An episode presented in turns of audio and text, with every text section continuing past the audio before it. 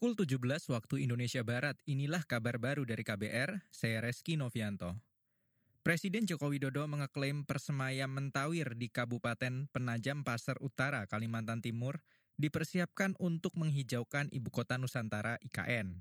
Itu disampaikan Presiden Jokowi saat mengunjungi lokasi proyek IKN di Kalimantan Timur hari ini. Persemaian Mentawir ini adalah persemaian yang kita persiapkan untuk menghijaukan ibu kota Nusantara plus sekitarnya.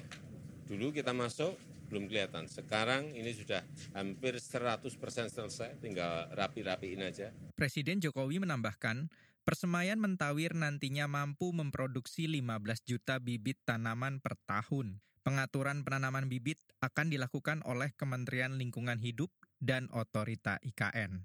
Jokowi berharap berbagai tanaman yang ditanam akan mempercantik IKN sekaligus mengembalikan hutan hujan tropis. Kita ke lantai bursa. Nilai tukar atau kurs rupiah ditutup menguat terhadap dolar Amerika. Salah satu faktornya ialah hasil pengumuman suku bunga Bank Indonesia.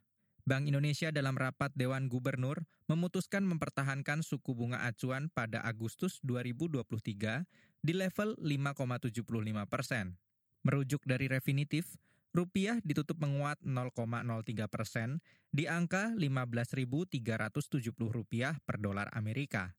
Sementara itu, indeks harga saham gabungan IHSG hari ini ditutup melemah 20,21 poin ke level 6.991. Tujuh sektor menyeret IHSG ke zona merah, yaitu sektor teknologi yang turun 1,24 persen. Kemudian disusul energi, keuangan, perindustrian, infrastruktur, barang baku, properti, dan sektor real estate. Kita ke daerah. Wali Kota Kediri, Jawa Timur, Abdullah Abu Bakar, membantah dua warganya meninggal akibat kelaparan. Abdullah mengeklaim ibu dan putranya yang disabilitas itu termasuk keluarga penerima bantuan sosial khusus dari Pemkot Kediri. Keduanya meninggal di waktu hampir bersamaan di rumahnya di Kelurahan Tosaren, Kecamatan Pesantren, kemarin.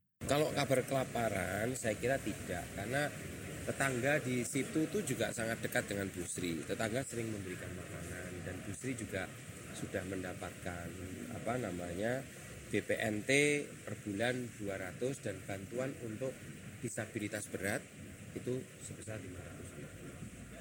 Jadi seperti itu. Dan dia juga beliau juga dapat apa bantuan juga dari Prodamas dari RT-nya. Wali Kota Kediri Abdullah Abu Bakar menjelaskan, sang ibu Sri Utami diduga meninggal tiga hari lalu karena sakit. Meninggalnya sang ibu membuat Arif Budiman, sang anak yang disabilitas, tidak memperoleh asupan makanan. Arif kemudian ditemukan warga dalam kondisi kritis dan akhirnya meninggal. Sementara itu, Kapolsek Kecamatan Pesantren Sugianto menjelaskan, tidak ada bekas luka, penganiayaan, atau kekerasan. Kesimpulan itu berdasarkan hasil pemeriksaan tim Inafis Polres Kediri. Pukul 17 waktu Indonesia Barat, inilah kabar baru dari KBR, saya Reski Novianto.